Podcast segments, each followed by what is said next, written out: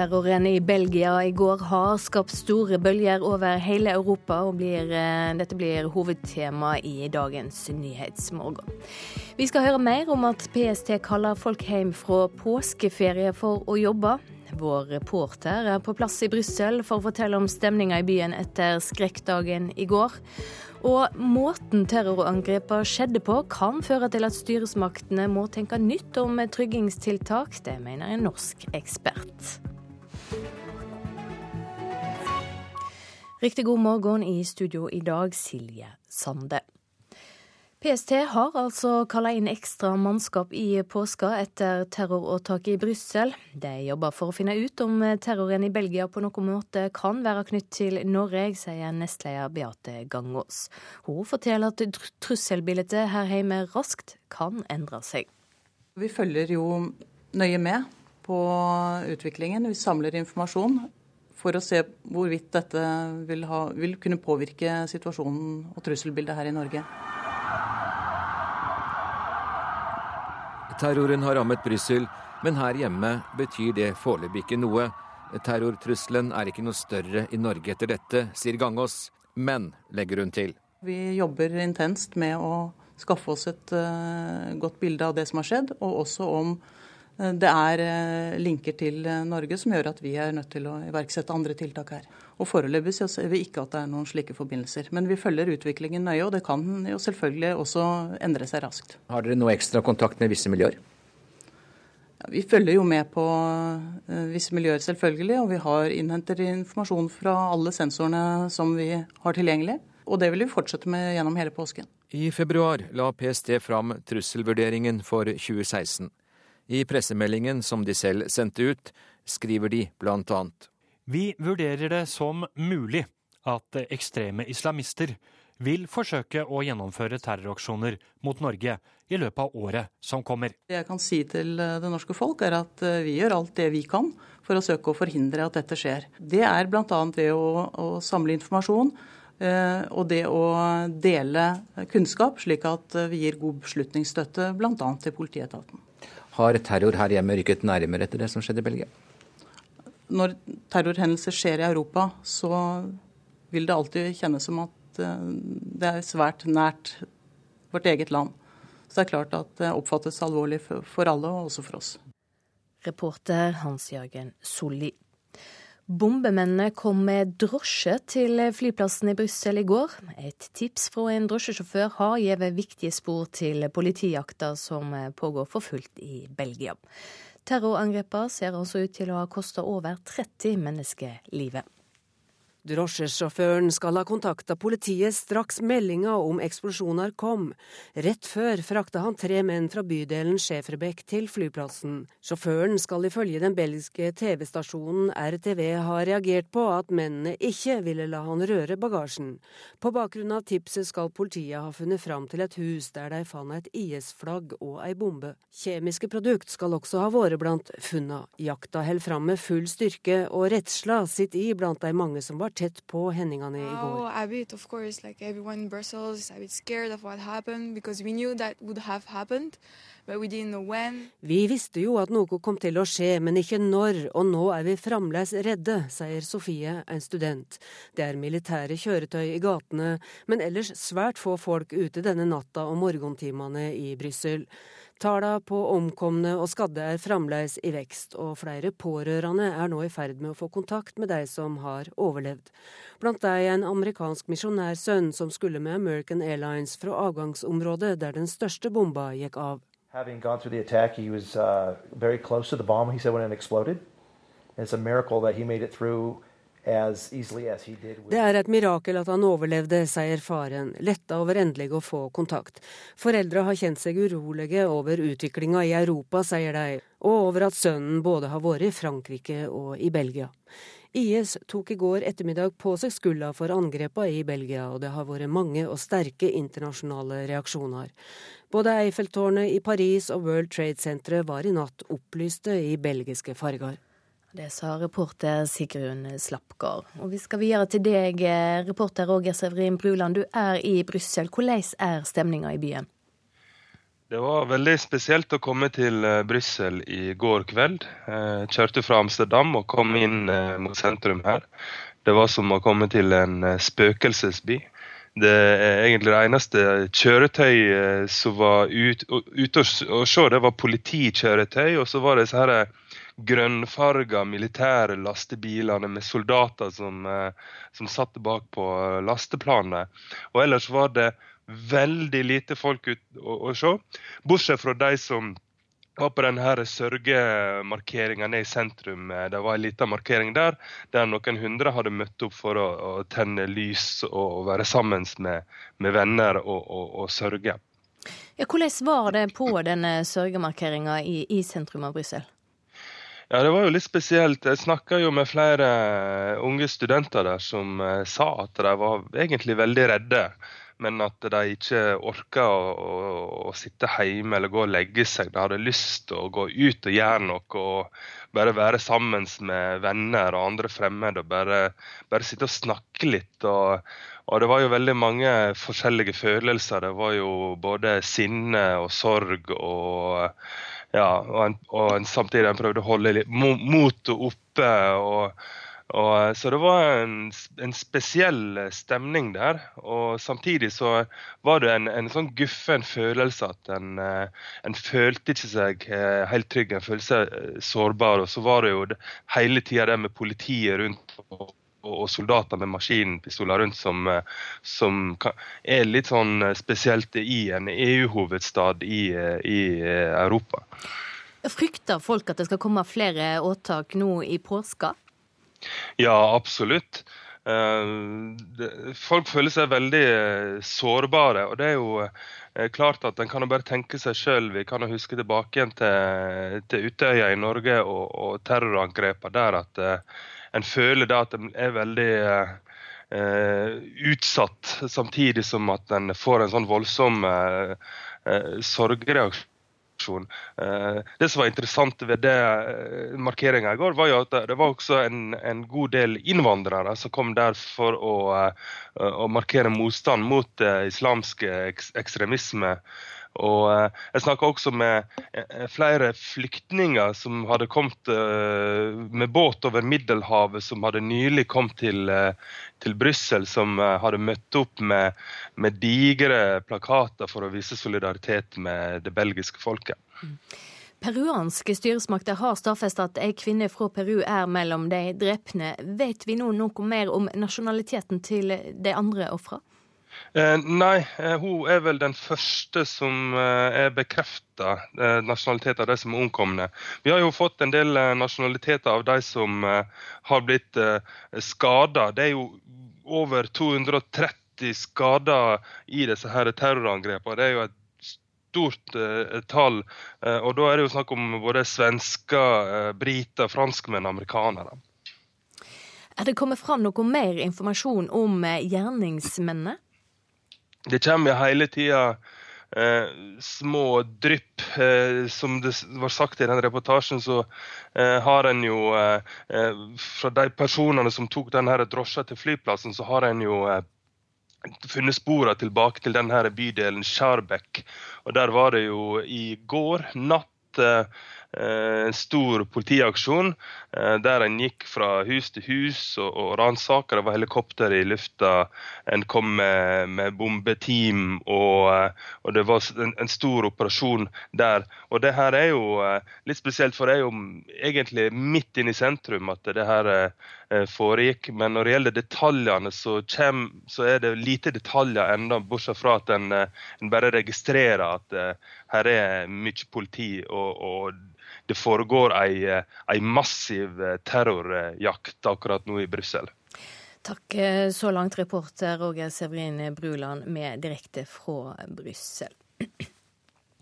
Og disse terrorangrepene kan føre til at styresmaktene må vurdere tryggingstiltak på en ny måte. Det sier tryggingssjef i Norsk Folkehjelp, Per Negård. Terroristene som sto bak åtaket på flyplassen, sprengte bombene utenfor tryggingskontrollen. Det kan få konsekvenser for hvordan vi tenker om trygghet, mener Nergård. Men på T-banen i Oslo vil ikke folk ha strengere tryggingstiltak.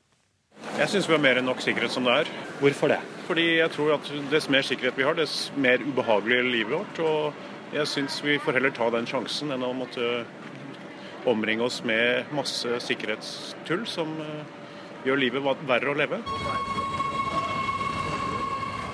Passasjerer vi snakket med i går kveld, er skeptiske til strengere adgangskontroll på T-bane og togstasjoner. Men sikkerhetssjef Per Nergård i Norsk Folkehjelp, som er ekspert på eksplosiver, tror gårsdagens angrep mot flyplassen i Brussel i ytterste konsekvens kan føre til at sikkerhetssoner på flyplasser blir utvidet. For terroristene som sprengte seg selv i luften på flyplassen i Brussel, kan ha hatt bombene i bagasjen på bagasjetraller da de gikk inn på flyplassområdet. Sannsynligvis, når jeg så den, den spekulasjonen rundt at dette var frakt mot bagasjetrallet tidligere i dag, så begynte jeg å tenke på at nå eh, må man kanskje flytte det ytre sikkerhetsregimet lenger ut på flyplassen. Og du vil, eh, vil kunne få en helt annen flyplassdynamikk. fordi at folk som da skal følge sine til flyplassen, og folk som skal ta imot folk, vil da kanskje måtte bli avskåret fra, fra flyplass. Det vil være en ytterste konsekvens hvis dette det her er en, en metode som, som kan brukes igjen. Janne Hagen er forsker ved Universitetet i Stavanger, og har deltatt i et EU-prosjekt om transportsikkerhet. Hun er skeptisk til utvidede sikkerhetssoner. Ja, du kan, kanskje du kan oppdage noe, men du flytter jo bare grensa. Du vil jo likevel ha ei sone utafor som ikke er kontrollert. Eh, det vil alltid være noen som eh, vil kunne utnytte små smutthull eller nye muligheter. Når du stenger en port, så er det alltid noen som finner en ny åpning. Og Hagen mener det er urealistisk å helgardere seg mot terrorangrep mot flyplasser, T-baner og busser med strengere sikkerhetstiltak. Ja, Da tenker jeg f.eks. på et uh, overvåkningssamfunn der du ikke kan bevege deg eh, fritt lenger. Og der det er veldig vanskelig å forflytte seg i det store og det hele, fordi at uh, det er stadig kontroller og, og sjekker, som det er f.eks. på flyplasser. Reportere Marte Halsør og Bjørn Christian Jacobsen. Vi skal kikke på avisene i dag 23. mars, og det er terroren i Belgia som preger mange av framsidene. Her triller de inn bombene, skriver VG, som trykker overvåkingsbildet av de tre terroristene som skubber hver sin bagasjetralle framfor seg. Aftenposten har også foto av en av de tre som nå er etterlyst. Mannen i lys jakke og mørk hatt blir nå jaga i hele Europa. Angrepene var samordna, og målet var å skape frykt, sier forfatter Øyvind Strømmen til Dagsavisen.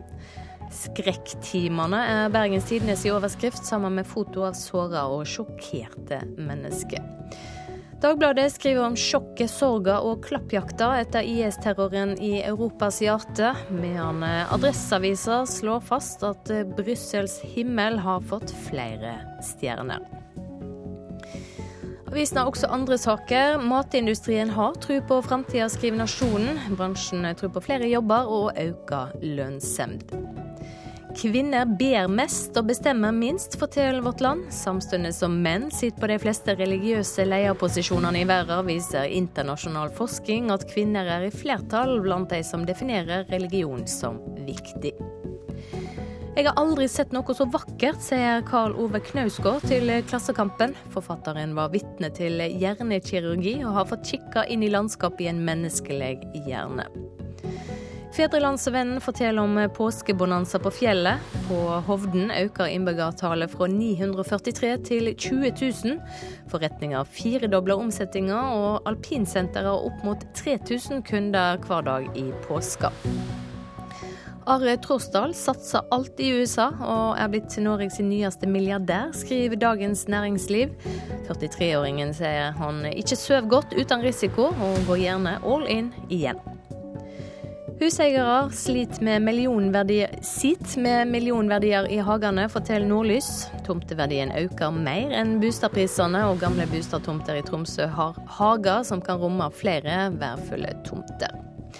Finansavisen forteller om ulovlig påske i egen hytte. Vinje kommune truer med tvangsmulkt mot hytteeiere som bruker husværet selv og ikke leier ut. Bygningene står i et område som er regulert til næring.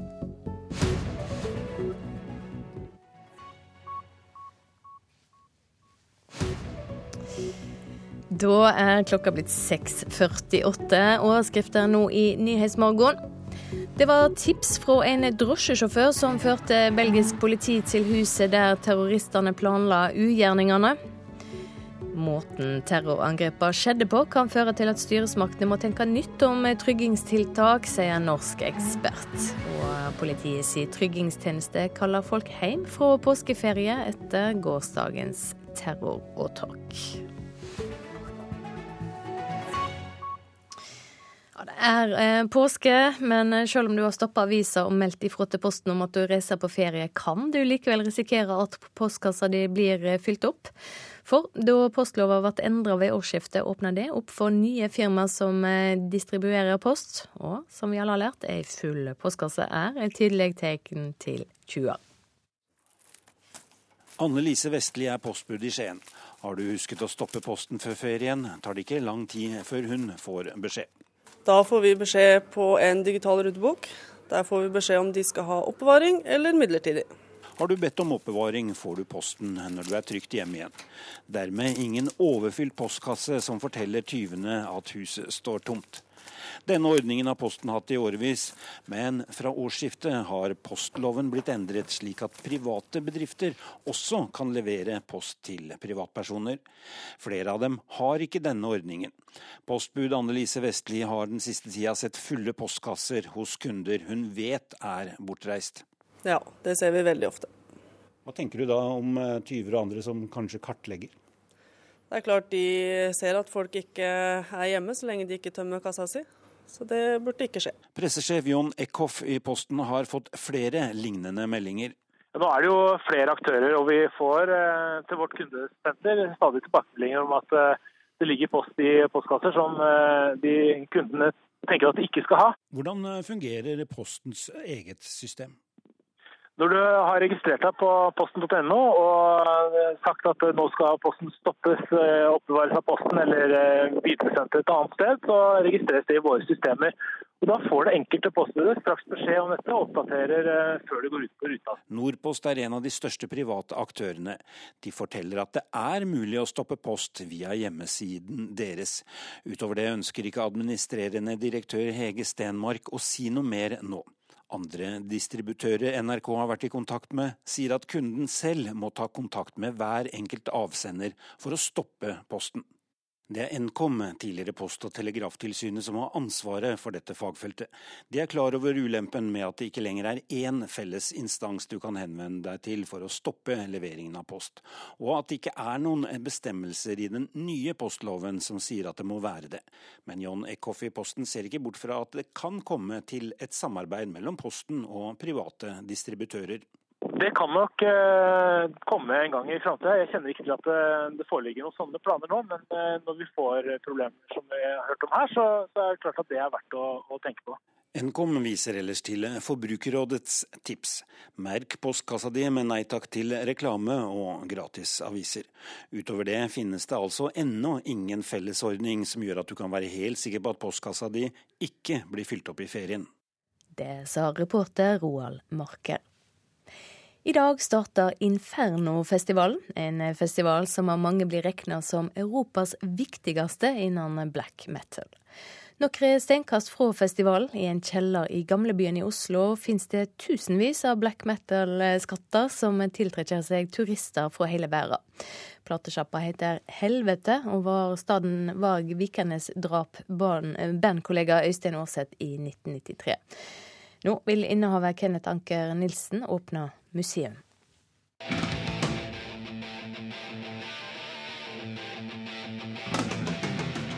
Vi befinner oss i platesjappa Helvete, men for black metal-interesserte har vi kommet til himmelen. Nede i kjelleren lukter det mellomting av fuktskader og sigarettsneiper, men innehaver Kenneth Anker Nilsen forteller oss at vi befinner oss på hellig grunn. Så Det er jo flere som har sagt at hvis den butikken her forsvinner, så forsvinner på en måte liksom kjernen i i black metalen. da. Altså sånn at folk kan komme og se og For det er, det er jo på en måte et svært gutterom, liksom. Sånn uh... Men nå vil Kenneth ut av gutterommet. Han mener tiden er moden for å vise frem vår stolte black metal-arv i et skikkelig museum. Eh, absolutt, for det, det, handler ikke bare om uh, de som er interessert i musikk. Så det er veldig mye sånn uh, folk utenom miljøet som kommer og ser. Og det vil jo selvfølgelig bli større hvis det hadde vært et museum og alt dette her hadde vært reklamert på en riktig måte, da. Visit Norway innrømmer at det ligger et stort potensial i black metal-arven. Eh, jeg ser at det er gjort mye bra på det, eh, både via si, miljøene selv, som, som må få alt dette selv. Men jeg ser også en, en, kommersiell utvikling av det. At det går an å lage turer rundt det. Man ser jo allerede for andre sjangere, som, som, det gjøres i dag med Niesbø osv. Mm at det går an å lage kommersielle tilbud rundt det. Men er det nok tilbud rundt det? Ikke i dag, men jeg, jeg, tror det vil komme. Det er et marked som, som kommer. Det sier Audun Pettersen i Visit Norway. Tilbake i helvete er det ikke vanskelig å finne black metal-turister. Eller blackpackere, som de kalles. Cool. Yeah, yeah. We, we came here about 10 years ago, actually, and we, we checked it out. So we're over to play Inferno. Bandet Psychroptic skal spille på Inferno-festivalen i Oslo. Men ikke før de har gjort et obligatorisk stopp i helvete. I guess it'd be the reason like a lot of people would actually sort of come through here sometimes, yeah. you know. So. I mean, the black metal scene has had such an impact on the worldwide music scene, and you could say that Oslo's the the hub. So super, super important a place like this exists. Reportere her, det var Daniel Eriksen og Nikolai Volsdal. Det er 20 eh, år siden datatreffet The Gathering ble arrangert i Vikingskipet på Hamar for første gang.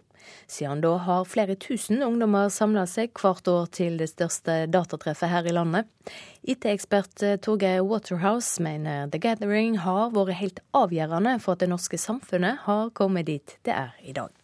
The Gathering har vært veldig viktig for Norge, og ikke minst for enkeltpersoner på veldig mange forskjellige plan. Sier Torgeir Waterhouse, som er direktør for internett og nye medier i IKT Norge. Eh, for det første så har jo The Gathering vært en fantastisk arena å kunne delta på for eh, de ungdommene som har hatt eh, IT og programmering og hva man kan bruke teknologien til som interesse. Og så har jo også The Gathering da vært inspirasjonskilde for å få i gang lignende arrangement rundt omkring i hele landet. Og dette er faktorer som vi har vært helt avhengig av for å gjøre de tekniske framskrittene vi har gjort siden 90-tallet, sier Waterhouse. The Gathering har leda til en interesse for dette som gjør at mange har valgt å jobbe med IT seinere og studere IT seinere, og tilegne seg den kompetansen vi er helt avhengig av at mange har for å lykkes med å digitalisere Norge. Det går i cyberspace og internett, et språk som like gjerne kunne være gresk for utenforstående. Sto det i Hamar Arbeiderblad 3.4.1996.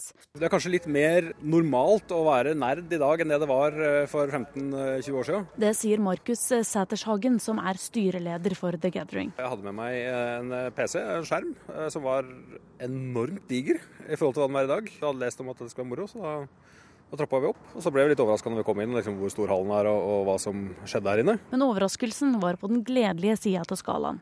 Og hver påske siden da har han midlertidig endra adresse til Vikingskipet. Eh, men eh, ting har forandret seg ganske mye siden da, på en måte.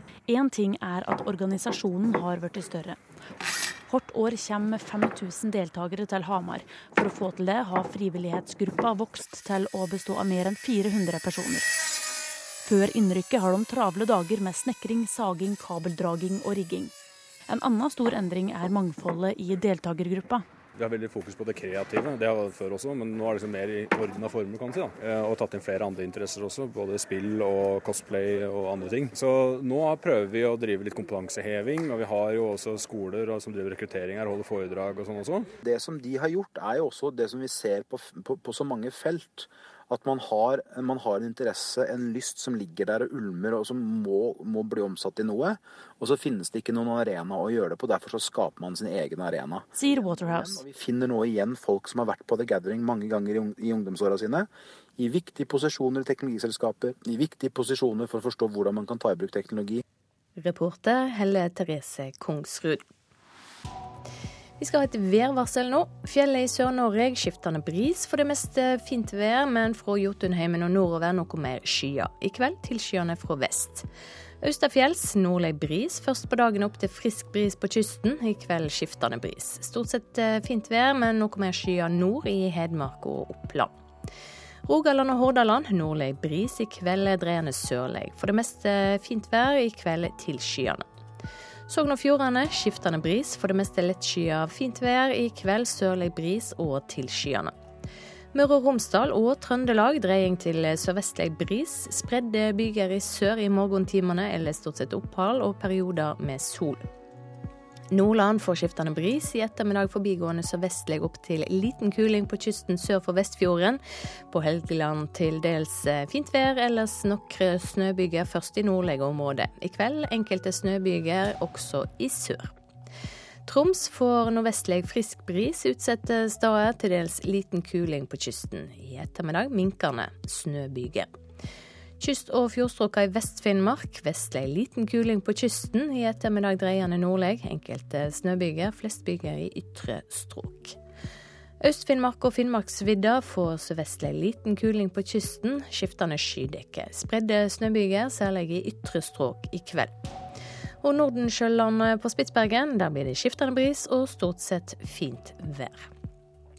Så har vi temperaturene målte klokka fire. Svalbard lufthavn eh, minus 17. Kirkenes minus 13. Vardø minus 5. Alta minus 11. Tromsø-Langnes minus 4. Bodø minus 6. Brønnøysund minus 1. Trondheim-Værnes pluss 3. Molde og Bergen-Flesland pluss 1.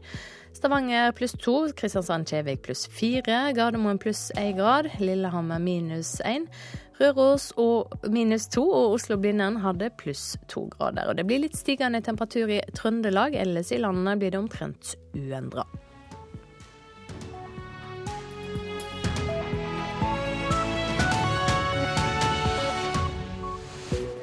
Ja, Det er eh, terroren i Belgia som preger sendingene våre denne morgenen. Og her i Nyhetsmorgen får du straks det aller siste fra Brussel. I natt samla unge belgiere seg i sentrum av den terrorråka byen. De er redde, men søker sammen for å sørge. Og vi skal høre at sosiale medier som Facebook og Twitter har fått en spesiell rolle i etterkant av slike terrorangrep. Bombemennene kom eh, altså med drosje til flyplassen i Brussel i går. Et tips fra en drosjesjåfør har gitt viktige spor til politijakta som pågår for fullt i Belgia. Terrorangrepene ser ut til å ha kosta over 30 mennesker livet. Drosjesjåføren skal ha kontakta politiet straks meldinga om eksplosjoner kom. Rett før frakta han tre menn fra bydelen Skaferbekk til flyplassen. Sjåføren skal ifølge den belgiske TV-stasjonen VRT ha reagert på at mennene ikke ville la han røre bagasjen. På bakgrunn av tipset skal politiet så ha funnet fram til et hus der de fant et IS-flagg og ei bombe. Kjemiske produkt skal også ha vært blant funna. Jakta holder fram med full styrke, og redsla sitter i blant de mange som var tett på hendelsene i går. Oh, a bit, of course, like everyone in Brussels, a bit scared of what happened because we knew that would have happened. Vi visste jo at noe kom til å skje, men ikke når, og nå er vi fremdeles redde, sier Sofie, en student. Det er militære kjøretøy i gatene, men ellers svært få folk ute denne natta og morgentimene i Brussel. Tallene på omkomne og skadde er fremdeles i vekst, og flere pårørende er nå i ferd med å få kontakt med de som har overlevd.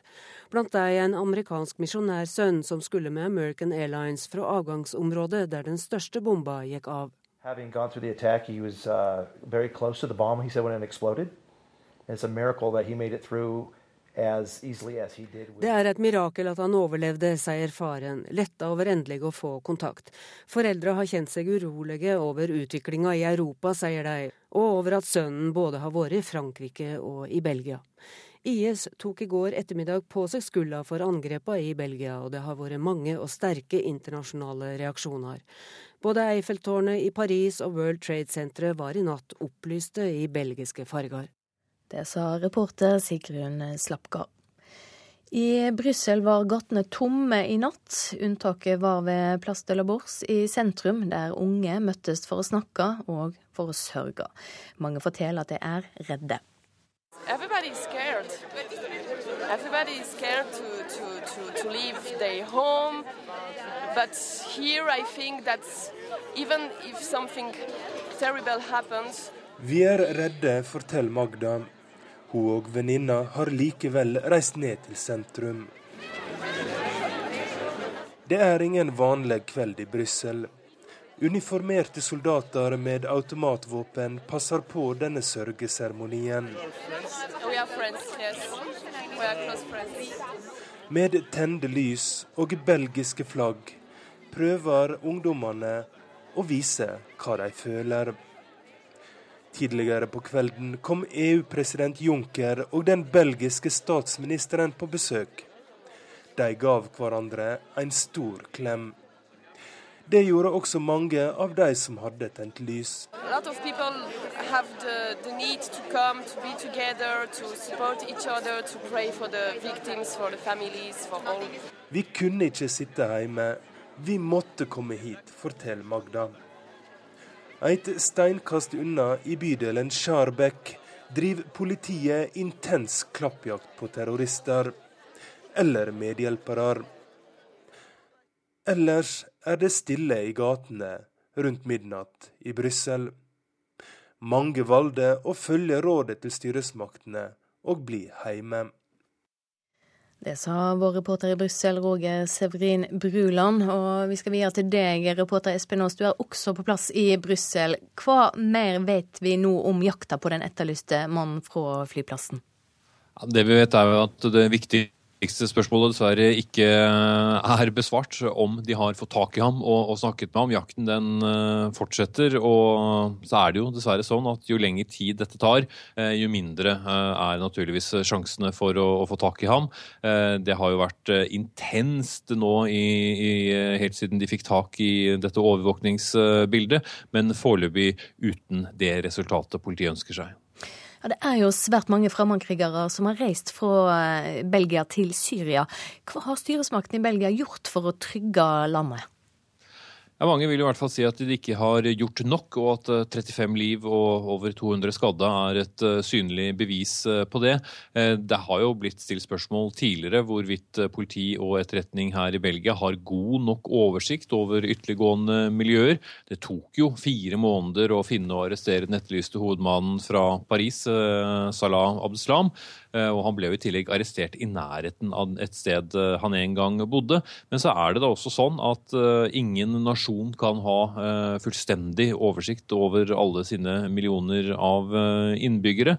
Men det har jo vært kjent, både som du sier og, og ellers, at Belgia har hatt bydeler med miljøer som har levd helt på siden av det vanlige samfunnet, og om etterretningen har holdt god nok oversikt med det? Vel, mange vil kanskje si nei.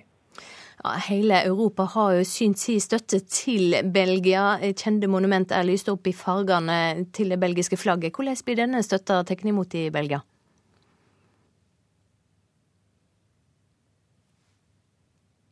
Der ser det ut som vi mista Espen Aas. Er du der, Espen? Nei. Det høres ikke slik ut. Espen Aas direkte med oss fra Brussel. Da skal vi videre til USA. Reaksjonene på det som har skjedd i Brussel har vært sterke også der, og også fra presidentkandidatene som kjemper om nominasjonene. I natt har det vært nominasjonsvalg i ytterligere tre delstater, Arizona, Utah og Idaho. Og korrespondent Tove Bjørgaas, hvordan har det gått? Det har gått slik at Donald Trump og Hillary Clinton vant i Arizona, mens Ted Cruz ligger an til å vinne i Utah på republikansk side. Og så ser det ut til at Bernie Sanders kommer til å vinne både i Utah og Idaho. Så det har vært en litt blandet resultatliste akkurat i natt i disse delstatene som altså ligger vest i USA. Så har Donald Trump vunnet klart i Arizona. Kan terrorangrepet i Brussel ha påvirka dette resultatet på noen måte? Akkurat i Arizona så er den store, store saken Dette er jo en grensedelstat. Den er altså immigrasjon, grensekontroll. Han har drevet en voldsom kampanje der eh, mot eh, både illegal innvandring, men også mot at f.eks. muslimer skal få komme til USA. Og i går så gjentok han jo eh, dette her som han har sagt tidligere, som kanskje er hans aller mest kontroversielle uttalelse, at han mener at muslimer ikke skal få adgang til USA. Og han sa at nå må USA nå må USA være smarte, sa Donald Trump, for, for nå går vi inn i en ny æra mente han etter Brussel-angrepene ved at Europa altså, har mistet kontrollen, eh, mener Trump. Og han ble jo da selvfølgelig kritisert kraftig for dette, bl.a. av Hillary Clinton, som mener at man overhodet ikke skal tenke slik, og at det er viktig med, med toleranse og ikke stemple muslimer. Men det har vært en utrolig stygg eh, utveksling her det siste døgnet etter eh, Brussel-angrepene. Og man kan jo, Det har vært veldig veldig høy valgdeltakelse i alle disse delstatene. Men vi ser altså at resultatene da spriker litt i forskjellige retninger, så det kan jo ha, ha fått forskjellige utslag. Ja, på demokratisk side så ligger Bernie Sanders an til å vinne i to delstater. Hva betyr det? Dette var delstater der det er såkalte nominasjonsmøter og ikke valg. altså I Idaho og i Utah så vinner han eh, veldig klart, ser det ut som resultatene tikker akkurat inn eh, nå. Eh, han har ofte gjort det bra på slike steder hvor folk må møte opp fordi det krever et større engasjement. Og det er jo nettopp det Bernie Sanders skaper. Likevel så er matematikken imot ham nå. Det skal bli ekstremt vanskelig, nærmest. Ja, det er faktisk egentlig umulig for ham å klare å ta igjen Hillary Clinton i denne delegatopptellingen.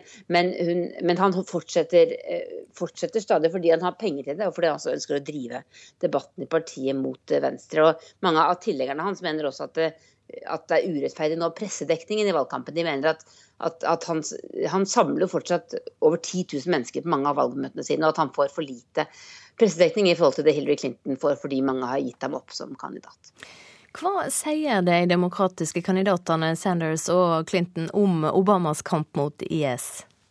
I går så blusset jo denne debatten opp igjen. Har USA gjort nok i kampen mot IS etter det som skjer i Brussel? Obama har hatt denne langsomme strategien sin der han har ment at man skal drive støtte, altså militær støtte til luftstøtte f.eks. i Irak og, og, Syria, opptrening av styrker, og så skal man altså satse på etterretningssamarbeid med Europa. Eh, mens mange, også Hillary Clinton, mener at man må gjøre mer. Eh, og på republikansk side så, så er det jo stort sett retorikken går på at man skal knuse IS. Men, altså, men også spesielt Clinton var ute i går og, og, var ganske tydelig på at hun ønsker en hardere strategi mot IS. Spørsmålet er bare hvordan man gjør dette. Og bekymringen som jeg var inne på tidligere, er jo selvfølgelig nå enda sterkere i forhold til om europeiske ledere har mistet kontrollen over islamistiske miljøer. Og da handler det ikke bare om, om kampen mot IS i Eh, i Midtøsten, eh, men også om eh, grensekontroll og kampen mot islamisme, spesielt i Europa. Og frykten for at f.eks. islamister med europeiske pass skal kunne ta seg inn i USA, hvor man vet at mange ønsker og drømmer om å gjennomføre angrep. Ja, kan vi regne med konkrete tiltak i USA etter terroren i Europa? I, går ble det varslet at eh, det skulle komme skjerpede tiltak på, på grensen allerede i går kveld. En del av dette vil ikke engang bli, engang bli eh, annonsert. Eh, vi vet at det er utplassert mer grensepoliti og vakter. Men det er også slik at amerikanere ofte innfører tiltak som ikke er veldig tydelige og synlige for de reisende, men som, som altså øker sikkerheten. Og Det er også selvfølgelig nytt fokus på disse listene der terrormistenkte står. Lister som skal sørge for at de aldri slipper inn i dette landet. Takk skal du ha, korrespondent Tove Bjørgaas. Politisk kvarter er i dag utvidet til 20 minutter, og årsaka er terroren i Belgia for et knapt døgn siden, programleder Lilla Sølvesvik. Ja, politikerne har kanskje reist på hvert sitt påskefjell, men ingen av de vi skal snakke med, har tatt ferie etter terroren i Brussel. Vi spør hvordan Belgia og Norge kan sikre seg mot eh, lignende terroraksjoner. Og vi hører jo fra USA nå, som Tove Bjergaas sa, at eh, der mener mange at Europa har mista kontrollen. Vi skal også spørre om terroren fører til mer splittelse i Europa. Og mer til å svare på disse spørsmålene og mange andre er bl.a. statsminister Erna Solberg, Arbeiderpartileder Jonas Gahr Støre, Venstre-leder Trine Skei Grande og FrPs Harald Tom Nesvik. Vi skal også høre at eh, PST-sjefen mener at det viktigste som kan gjøres nå, det er at uh, man hindrer at ungdom faller utenfor. Alt dette fra 7.40 P2. Da skal vi gå tilbake til Espen Aas i Brussel. Hvordan har belgierne tatt imot eh, støtta de nå får fra hele Europa? Det er jo ingen tvil om at det er akkurat det de trenger nå, å vite at ikke de eh, på noen som helst måte er alene. Og det er de eh, selvsagt ikke. Samtidig så er det jo den harde og kalde virkeligheten at eh, denne støtten bringer jo ingen tilbake i live. Den støtten fjerner ikke den uhyggen og usikkerheten som kommer til å prege denne dagen og mange dager fremover. Og så kommer det helt, helt sikkert til å presse seg frem spørsmål om de må begynne å leve livene sine på en annen måte, og myndighetene må sette i verk helt andre sikkerhetstiltak enn det som de har sett eh, til nå. Ja, vi har hørt i dag at militæret er ute i gatene i Brussel. Er det frykt for flere åtak i løpet av eh, påska? Det er jo en usikkerhet om eh, hva som nå vil eh, skje. Det er, eh, som vi vet, én mann etterlyst fra flyplassen som man ikke helt vet tilknytningen til. Er det også andre som har, som har vært involvert? Vi husker jo fra de to terroranslagene mot Paris, som De var jo på langt nær over etter det første anslaget. Det var folk som hadde planer om mer, og det er jo det som de nå frykter her også.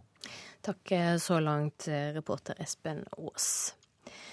Da har jeg fått eh, en gjest i studio. Velkommen, Bente Karlsnes. Stipendiat ved Institutt for medium og kommunikasjon og ekspert på sosiale medium. Hvordan har terroråtaket i Brussel prega sosiale medium det siste døgnet? Det er klart det har vært eh, en dominerende eh, tema og en dominerende hashtag, særlig på, på Twitter.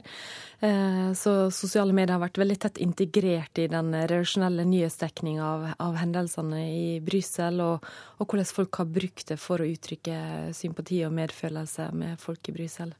Men også for å vise at de er trygge? Også for å vise at de er trygge, og for å fortelle at eh, det, det, går bra med dem. Og det er mange som har brukt eh, Facebook for å markere at de, de, er trygge. Så det er en eh, ganske kjapp og effektiv måte å nå ut til mange på en gang. Hva rolle har sosiale medier fått når det skjer noe slikt? Ja, Vi har et kort sett at det danner seg et, et, mønster, og sosiale medier er veldig tett integrert med hele informasjons- og nyhetsbildet i sånne situasjoner.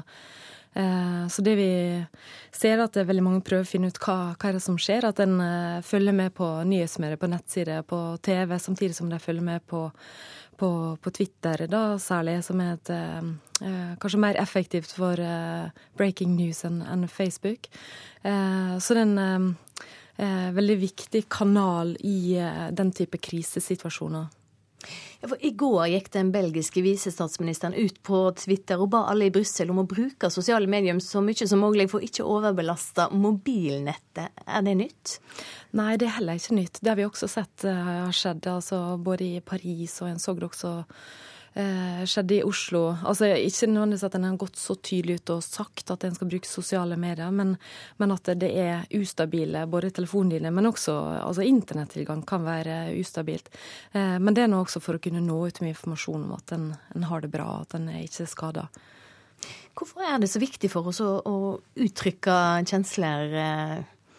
Slik? Ja, altså dette her er nå eh, et mål eh, som eh, rammer nært oss. Dette her skjer i Brussel, og veldig mange har vært i Brussel og har venner der. Og, og, det å kunne vise at en bryr seg om den situasjonen, at det, det er viktig. Og mange som legger ut ikon da fra, fra belgisk kultur, altså enten det er Tintin eller det er Munken Peace eller det er fritt. Eh, eh, altså den legger ut bilder for å vise sympati.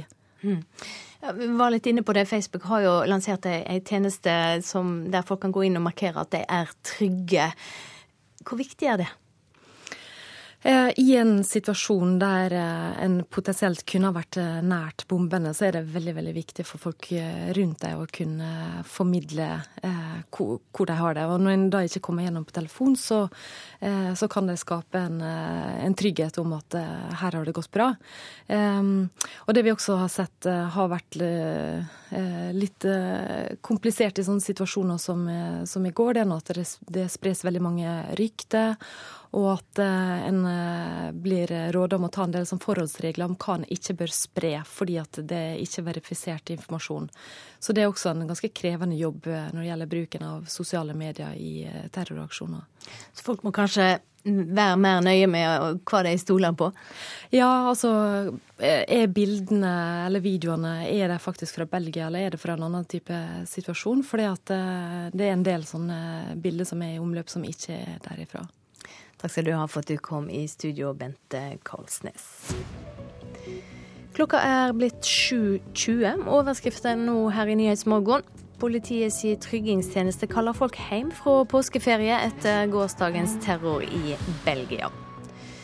Måten terrorangrepene skjedde på kan føre til at styresmaktene må tenke nytt om tryggingstiltak, sier norsk ekspert. Og det var eh, tips fra en drosjesjåfør som førte belgisk politi til huset der terroristene planla ugjerninga.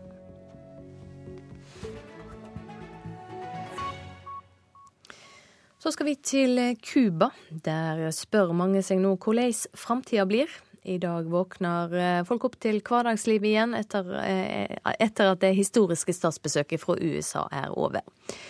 Blant mange har optimismen vært stor for hva et bedre tilhøve til den tidligere erkefienden USA kan føre til.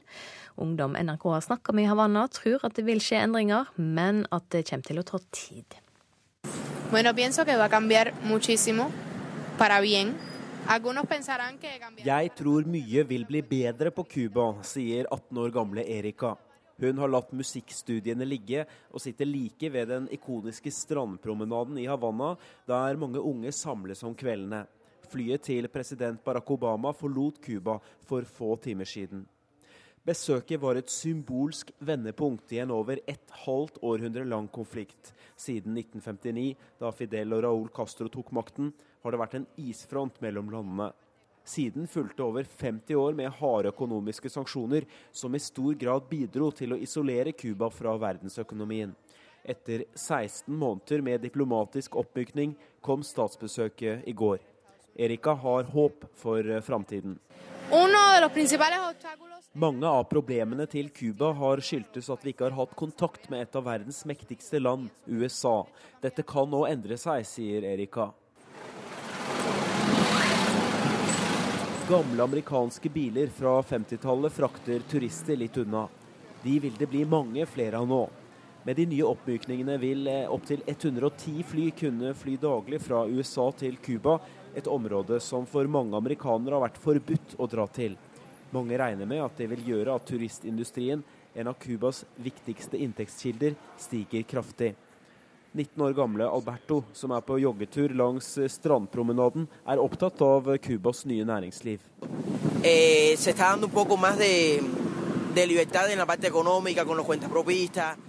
det er blitt litt enklere for folk å starte egne små bedrifter. Men det er fortsatt masse som gjenstår i cubansk økonomi, sier Alberto, som har fulgt nøye med på TV-talen Obama ga til det cubanske folk tidligere på dagen men venninnen Lauren tar ingenting for gitt når det gjelder framtiden.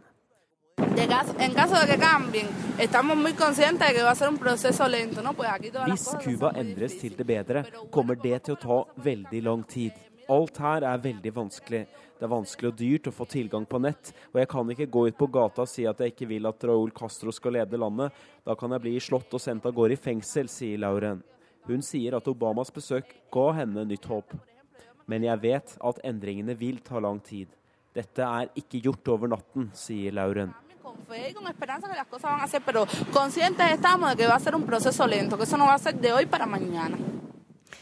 Vår eh, reporter på Cuba er Haldor Asvald. Vi skal se på avisene i dag, 23.3, og det er eh, terroren i Belgia som preger mange framsider. Her triller de inn bombene, skriver VG, som trykker overvåkingsbildet av de tre terroristene som skubber hver sin bagasjetralle framfor seg. Aftenposten har også foto av en av de tre som nå er etterlyst. Mannen i lys jakke og mørk hatt blir nå jaga i hele Europa. Angrepene var samordna, og målet var å skape frykt, sier forfatter Øyvind Strømmen til Dagsavisen. Skrekktimene er Bergens Tidendes i overskrift, sammen med foto av såra og sjokkerte mennesker. Dagbladet skriver om sjokket, sorga og klappjakta etter IS-terroren i Europas hjerte, medan Adresseavisa slår fast at Brussels himmel har fått flere stjerner. Så andre saker. Matindustrien har tro på framtida, skriver Nasjonen. Bransjen tror på flere jobber og økt lønnsemd. Kvinner ber mest og bestemmer minst, forteller Vårt Land. Samfunnet som menn sitter på de fleste religiøse lederposisjonene i verden, viser internasjonal forskning at kvinner er i flertall blant de som definerer religion som viktig.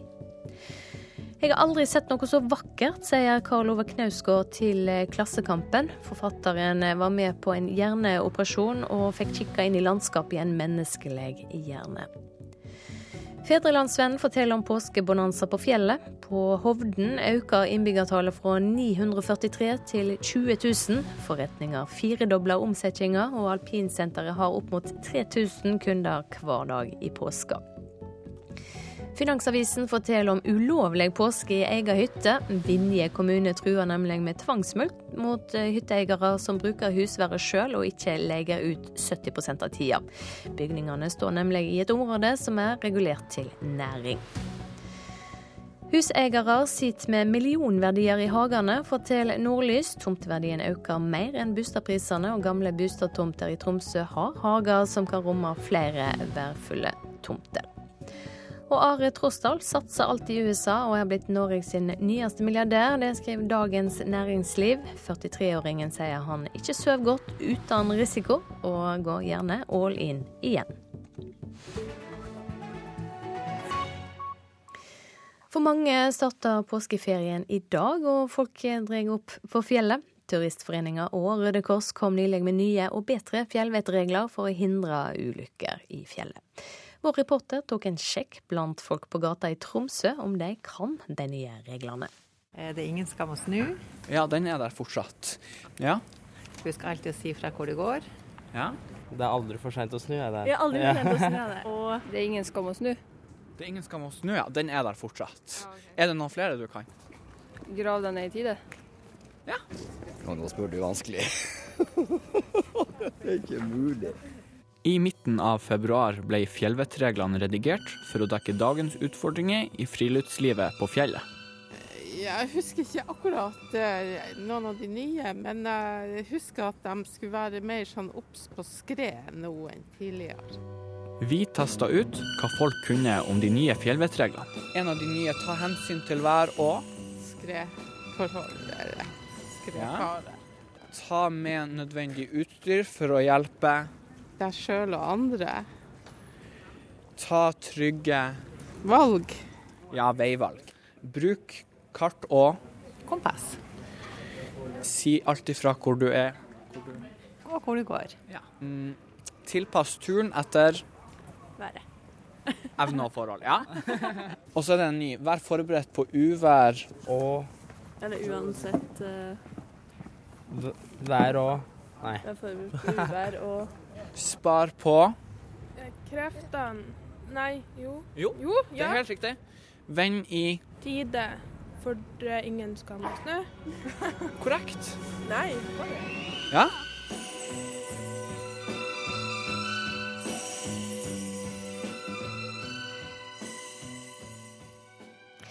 Reporter her, det var Gjermund Håkonseth. Det er straks tid for Dagsnytt 7.30 ved Ida Creed. Etter det blir det altså et utvida politisk kvarter i dag pga. opptakene i Belgia i går. Temaet er hva Europa og Norge gjør etter terroren. Produsent for Nyhetsmorgen i dag, Silje Katrine Bjarkøy. Her i studio, Silje Sande.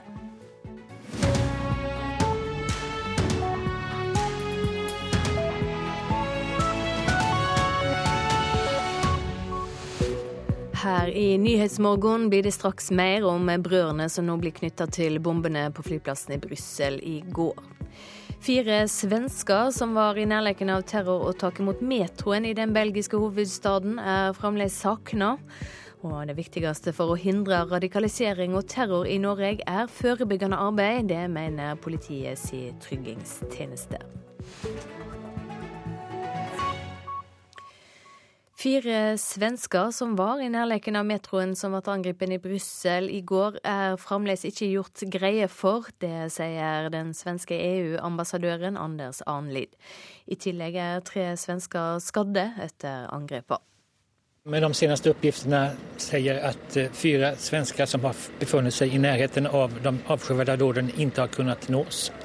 Eh, UD er i kontakt med de anhørige til disse. Det svenske utenriksdepartementet har forsøkt å komme i kontakt med personene uten å lykkes, men de understreker at telefonforbindelsen i byen har vært dårlig, og at de ikke nødvendigvis har hendt dem noe.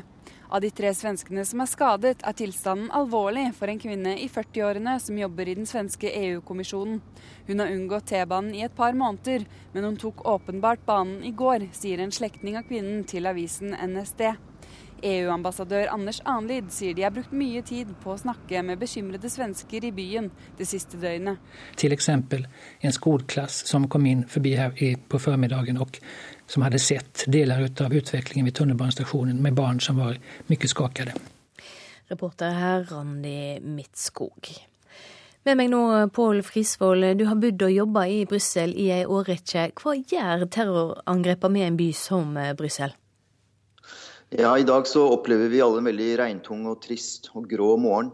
Uh, man kan tenke seg Det er som om uh, etter dagen etter 22.07-angrepene at vi, vi, har følelsen av at det fortsatt er terrorister på frifot. Og det er ikke en god følelse. Så det er, det er en frustrert belgisk hovedstad som våkner opp i dag. Mm. Mange i Brussel tente lys i går kveld. Hva sier de du snakker med? Er de redde for å gå ut? Ja, altså her hersker det litt frustrasjon fordi at uh, man har ikke lov til å er, Noen skoler er åpne, men det er ikke lov til å ha uh, store arrangementer. Slik at studentfester, fotballkamper, idrettsarrangementer er alle avlyst. Uh, og man kan da heller ikke ha muligheten til å samles for å uttrykke sorg. Og det er selvfølgelig også en, en vond følelse. Mm. Det har jo lenge vært ei intens jakt på terrorister i Belgia og i Brussel. Hvordan er det å leve i en by som har, terror, har hatt terrorberedskap over lang tid? Ja, jeg tror um, dette er dessverre et fenomen som uh, mange byer og mange land i verden opplever. Uh, vi går ikke rundt og tenker på det hele tiden. Uh, men det er helt klart at disse uh, terrorcellene har jo funnet sted i, i, bydeler som vi vanligvis ikke er så mye i. Nå har terroren kommet nærmere på oss i, i bokstavelig grad. Og uh, det er en, det er en ja, Jeg har vanskelig for å uttrykke hvor, hvor vond den følelsen er. Det blir stilt spørsmål i dag om hvordan disse ekstremistmiljøene visse steder i Belgia har fått lov å vokse seg så sterke at de kan gjennomføre så alvorlige terroraksjoner. Er det tendenser til sjølransaking i Belgia nå? Ja, stor. Her er det et enormt press på politikerne. Her er det et enormt eh, press på at de må stilles til ansvar for eh, at dette kunne skje. Ehm, det er et blandet bilde. På den ene siden så skal vi ikke eh, glemme at belgisk politi klarte å fange hovedterroristen fra Paris terroren i live. Det er viktig for det franske samfunnet og det belgiske samfunnet. Eh, men de altså klarte ikke å følge opp dette. Og det alle spør seg nå, er hvorfor satte man ikke opp terrortrusselen etter at man hadde arrestert den forrige terroristen.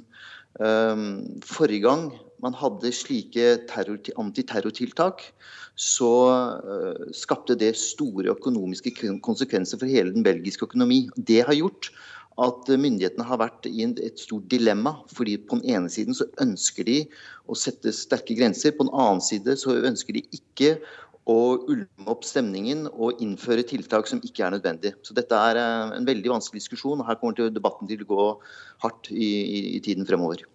Det er jo et stort internasjonalt miljø i Brussel. Hva sier folk, eh, utlendinger, har de lyst til å dra?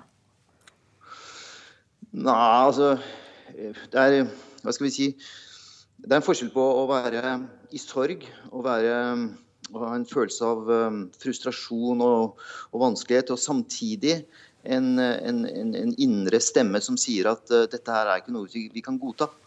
Vi kan ikke bare stikke av. Eh, vi har også familier og røtter og eh, engasjement her i denne byen som gjør at vi selvfølgelig ikke kommer til å dra. Men det andre er om i hvilken grad klarer vi å reise oss, i hvilken grad klarer vi å stå sammen mot disse kreftene. Og jeg tror eh, den, den følelsen der kommer til å bli forsterket fremover. På tross av den vonde frustrasjonen som vi også føler. Takk skal du ha for at du var med, Påle Frisvold. Så skal vi videre til reporter Roger Severin Bruland. Også du er i Brussel. Det kommer nå meldinger om at det er tre kjenninger av politiet som skal ha stått bak flyplassbombene. Hva mer vet du om det? Ja, det stemmer. Og, eh, men det skal ikke ha vært eh, kjenninger for terror før inntil eh, nylig. Det siste som har blitt navngitt nå, er en tredjemann som en antar skal være på frifot. I tillegg til de to selvmordsbomberne, de to brødrene som også er navngjevne, som skal ha utløst disse bombene i sikkerhetskontrollene på flyplassen. Så den tredje mannen, det er mannen i lys jakke og, og, mørk hatt som vi ser på bilder fra overvåkingskamera? Ja, det er en, uh, politiet har eh, lagt ut et bilde av han og, og etterlyst han nå eh, over hele Europa. Mm. Belgiske styresmakter har fra før fått kritikk for at terrormistenkte har gått under radaren. Hvordan er reaksjonene nå? Ja, Det politiet sier, er jo at det er helt umulig å stoppe absolutt alle forsøk på terror. Eh, noen eh, anslag vil komme gjennom, gå under radaren. Og Det slo meg også i går når jeg var på denne minneseremonien, at det, uansett hvor masse soldater du har, en person som har bestemt seg for å sprenge seg sjøl i lufta, kunne ha gått inn i den folkemengda og gjort det. Det hadde vært utrolig vanskelig å stoppe det. Så selv om belgisk politi legger ned enorme ressurser, og de har jo stoppa flere forsøk og, og, og, planlagte angrep, så vil det alltid være noen som, som går igjennom filteret, og som lykkes, dessverre. Et tips fra en drosjesjåfør skal ha gitt politiet viktige spor i etterforskninga. Hva kan du si om det? Stemmer det. Eh, han som skal ha da, kjørt disse her eh, to brødrene til eh, flyplassen, han ante ugler i mosen og meldte fra til politiet. Og Det var slik de fant denne leiligheten med det IS-flagget og ei lignende sånn spikerbombe som en, trolig var brukt på, på, flyplassen. Og Det var jo derfor det også var en stor politiaksjon her i Brussel sentrum i, i går og i natt med bombe hunder og, og avsperringer fordi at en, en, hadde funnet den. Eh, så det, det, som politiet har gjort i natt, er jo for så vidt å bare gå fra dør til dør. Det har vært en, en enorm innsats eh, for å komme til bunns i det her og finne ut eh, om det er flere terrorister på frifot som har planlagt nye angrep igjen. Brussel har våkna opp til en ny dag, og metroen skal delvis eh, være åpen att? Det stemmer. Jeg har snakka med noen EU-byråkrater i dag tidlig. Der er et par linjer som er åpne. I tillegg så har jeg fått et visst inntrykk av at en har tatt tidlig påskeferie. En skulle visstnok ikke ha påskeferie før i over i morgen, men pga. det som har skjedd, så er det eh, flere, ganske mange kontor eh, rundt dette her digre EU-konglomeratet eh, som har bare bestemt og sagt at nå stenger vi i dag, og så tar vi, tar vi påskeferie, og så kan vi få eh, folk ut, ut av byen. Takk så langt, Roger Severin Bruland med fra Brussel. Og disse terrorangrepene kan i verste fall føre til så streng kontroll på flyplasser at eh, tryggingssjekken starter utenfor bygget. Det sier tryggingsekspert i Norsk Folkehjelp, Per Nergård. Terroristene i går sprengte seg utenfor tryggingskontrollen. Derfor kan det bli nødsynt å tenke nytt, sier Nergård. Men på T-banen i Oslo er folk skeptiske. Jeg syns vi får heller ta den sjansen enn å måtte omringe oss med masse sikkerhetstull som eh, gjør livet verre å leve. Passasjerer vi snakket med i går kveld, er skeptiske til strengere adgangskontroll på T-bane og togstasjoner.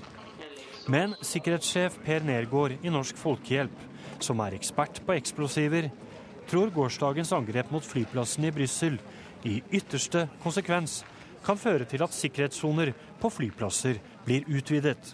Om man kanskje flytter det ytre sikkerhetsregimet lenger ut på flyplassen. og Du vil, eh, vil kunne få en helt annen flyplassdynamikk. fordi at uh, folk som da skal følge sine til flyplassen, og folk som skal ta imot folk, vil da kanskje måtte bli avskåret fra, fra flyplass. Det vil være en ytterste konsekvens hvis uh, dette er en, en metode som, som kan brukes igjen. Janne Hagen er forsker ved Universitetet i Stavanger, og har deltatt i et EU-prosjekt om transportsikkerhet. Hun er skeptisk til utvidede sikkerhetssoner. Når det stenger en port, så er det alltid noen som finner en ny åpning. Reportere Marte Halsør og Bjørn Christian Jacobsen. I USA har flere reagert sterkt på angrepene i Brussel, bl.a. flere av presidentkandidatene. På republikansk side vant Donald Trump nominasjonsmøtet over Ted Cruz i grensestaten Arizona.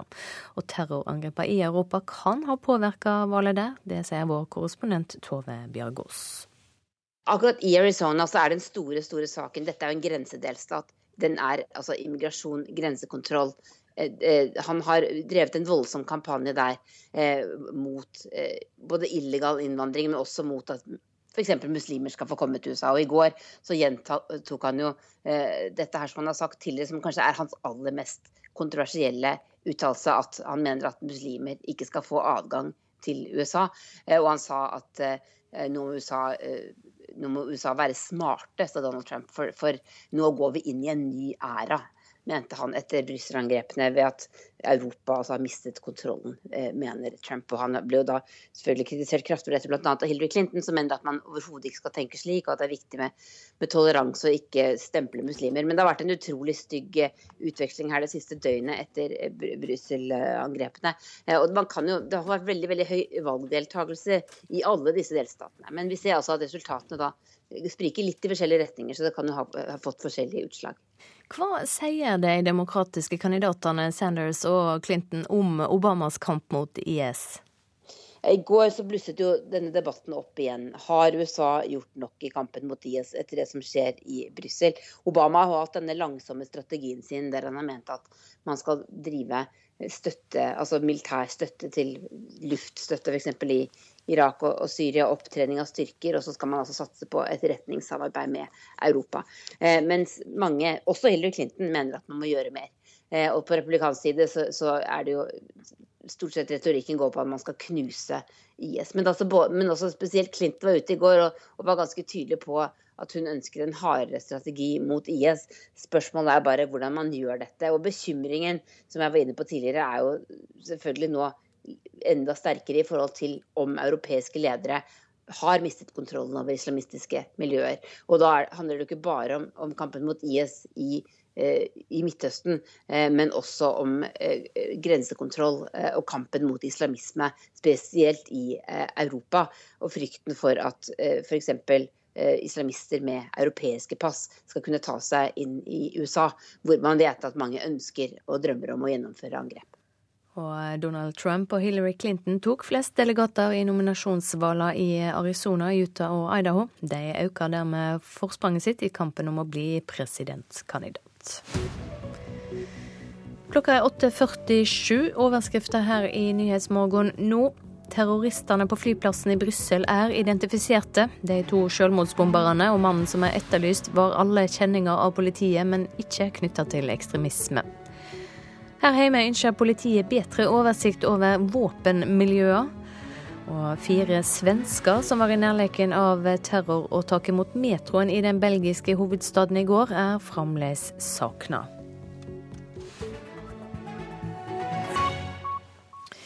Til Russland nå. Den amerikanske utenriksministeren John Kerry kommer til Moskva i dag. Han skal etter planen møte den russiske presidenten Vladimir Putin. De to skal diskutere situasjonen i Syria etter våpenhvila som kom i stand i slutten av februar. Men også Ukraina står på planen, og det er venta at Kerry vil ta opp dommen mot den ukrainske helikopterpiloten Nadia Savtsjenko. Hun må sone 22 år i fengsel for å ha deltatt i et angrep der to russiske TV-journalister mista livet. Горела шина, Mens dommeren leste opp dommen på 22 års fengsel, begynte Nadezjda Savchenko å synge en ukrainsk folkesang. For å vise at hennes kamplyst ikke er knekket, og at hun på ingen måte aksepterer avgjørelsen som retten i den russiske byen Danetsk i går kom med. Суд це називається дрочили, дрочили і не кончили. Я просила вас дати прокурорам стільки, скільки вони просять. Med tøff ordbruk anklaget hun retten for bare å gjennomføre et spill som var avtatt lenge før rettssaken startet. Hun reagerte også på at retten av en eller annen grunn ikke dømte henne til 23 års fengsel, slik aktor hadde lagt ned påstand om, men reduserte straffen til 22 år.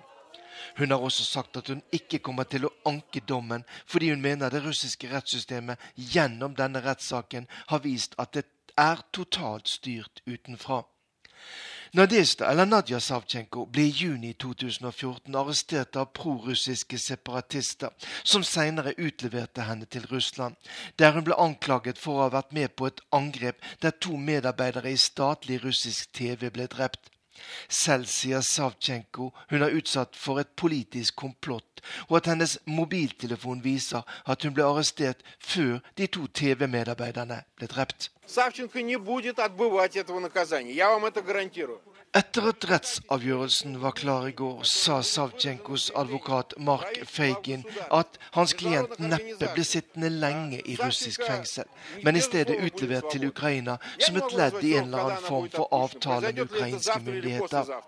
I Kiev sitter to russiske spesialsoldater fanget, samtidig som den russiske avisen Novaja Gazeta skriver at det også kan være aktuelt for Russland å kreve at Ukraina opphever blokaden av Krimhalvøya, som Russland annekterte i 2014. Morten Jentoft, Moskva. Så skal vi ha sport. Sesongåpninga i fotball kommer ikke for tidlig. Det mener landslagssjef i fotball Per-Mathias Høgmo. Han er ikke samd med klubbtrenerne og fotballekspertene som har vært helt klare på at sesongen i år begynner et par uker for tidlig. Det er jo et nyansert bilde. Jeg så en særdeles god fotballkamp i, i, i Skien med Odd og Rosenborg. Og det har vært noen, noen gode kamper, og så har det vært noen som har vært prega av, av seriestart. Og så er det ofte sånn at hvis vi er litt historiske, så er ofte seriestartene blir ofte omtalt på den måten. Og jeg tenker at jo før seriestarten kommer, jo før blir det da bra. Sant? Sånn at det vil jo si at vi etter påske nå vil være forhåpentligvis på et høyere nivå enn vi var om vi starta da. Sesongen så langt har ført til få mål, dårlig fotball og lite publikum. Både Odd-trener Dag Eilif Fagermo og NRKs fotballekspert Karl Petter Løken mener seriestart i begynnelsen på mars er for drøyt. Nei, Jeg, jeg syns det er for tidlig. Banene er jo én ting. Når vi lever i et land som er langt mot nord, og da må en ta en del hensyn til, til akkurat baneforholdene når det er så tidlig. Det er jo umulig å ha tempo, det er umulig å ha teknikk. Det er jo og for publikum, jeg tenker på Norsk fotball stiller krav til anlegg osv., men ikke til banen. Det kommer 11 000 her som skal underholdes. Kan du ikke underholde når du bare kriger. Høgmo tenker internasjonalt. Selv om det er relativt få spillere på landslaget som spiller i Eliteserien, skal vi bli bedre, må vi tilpasse oss konkurrentene. Så jeg tenker at I det lange løp så er dette viktig. og det er jo også som at eh, Hvis man skal endre en kultur, så må man først beslutte, og så må man tilpasse seg. Reporter Pål Thomassen. Til Hamar nå, for datatreffet The Gathering åpner i dag. Det er 20 år siden det ble arrangert i Vikingskipet på Hamar for første gang, og siden da har flere tusen ungdommer årlig samla seg til det som er verdens største datatreff under samme tak. Og slik er det vel også i år, reporter Helle Therese Kongsrud? Det stemmer så definitivt. Det er eh, om ikke flere tusen, så i hvert fall veldig mange hundre som allerede står utafor Vikingskipet og koser seg i morgensola her på Hamar og venter på at døren på, på skipet skal åpne. Det er jo ikke mange minutter til. En får lov til å trekke inn i det som eh, kanskje er årets høydepunkt for mange. Jeg har med meg her Olava og Håkon, som er, de har kommet fra Trondheim. Hvorfor har dere kommet hit i dag? Spille dataspill, henge med venner oppleve en stor opplevelse, da.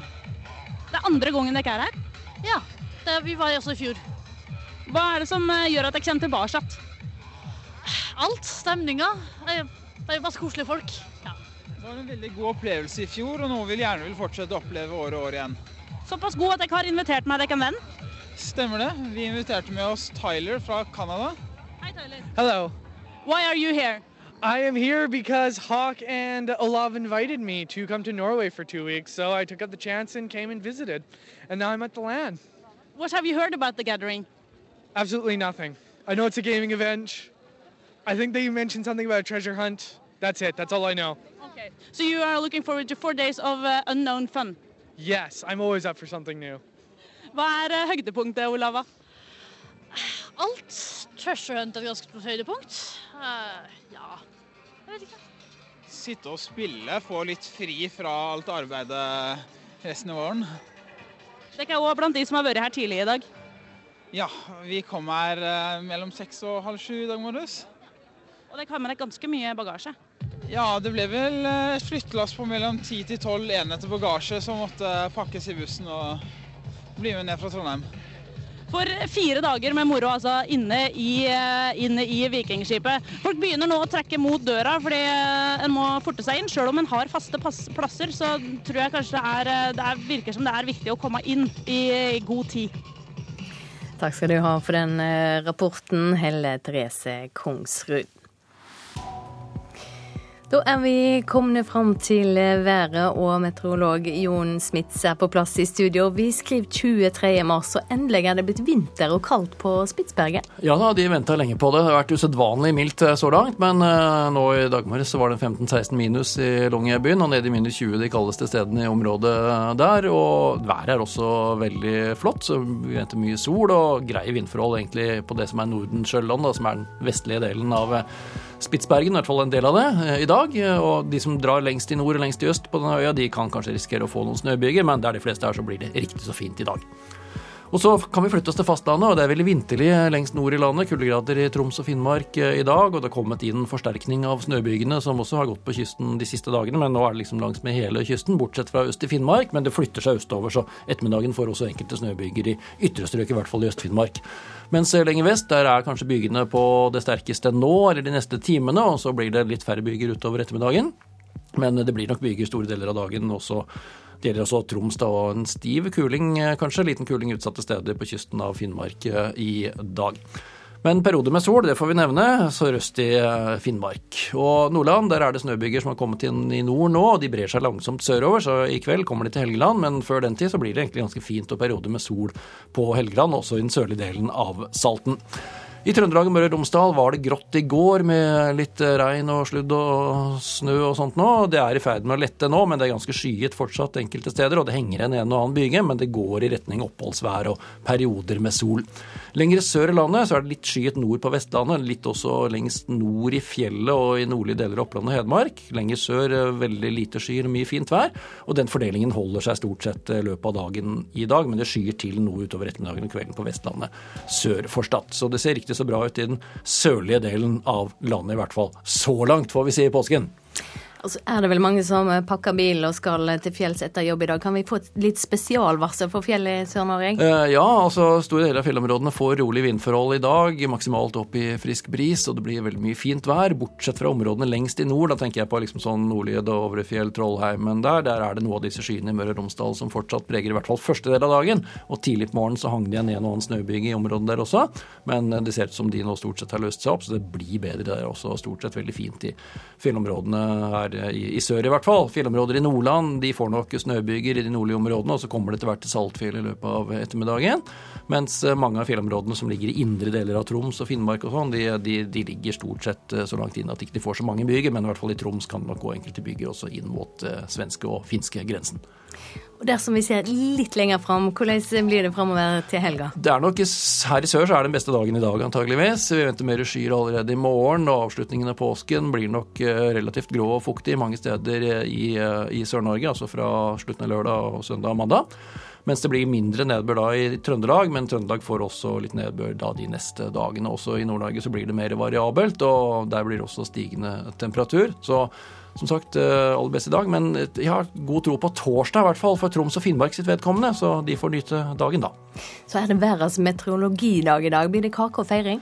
Eh, Det blir i hvert fall feiring. Om det er kake, det er jeg ikke helt sikker på. Men jeg skal i hvert fall løpe rundt i forskjellige radiosendinger og litt i TV i dag på vakta mi og snakke om både vær- og meteorologidagen. Så, og temaet i år, det er egentlig klima. Og klima som vi har hatt de siste ti årene. eh, Hva vi ser nå i 2015 og 2016. Og ikke minst liksom hva som venter oss i fremtiden med klimautvikling. Takk skal du ha, Jon Smits. Ansvarlig for nyhetssendingene i dag, Erlend Rønneberg. Produsent for Nyhetsmorgen, Silje Katrine Bjarkøy. Teknisk ansvarlig Espen Hansen. Og programleder Silje Sande.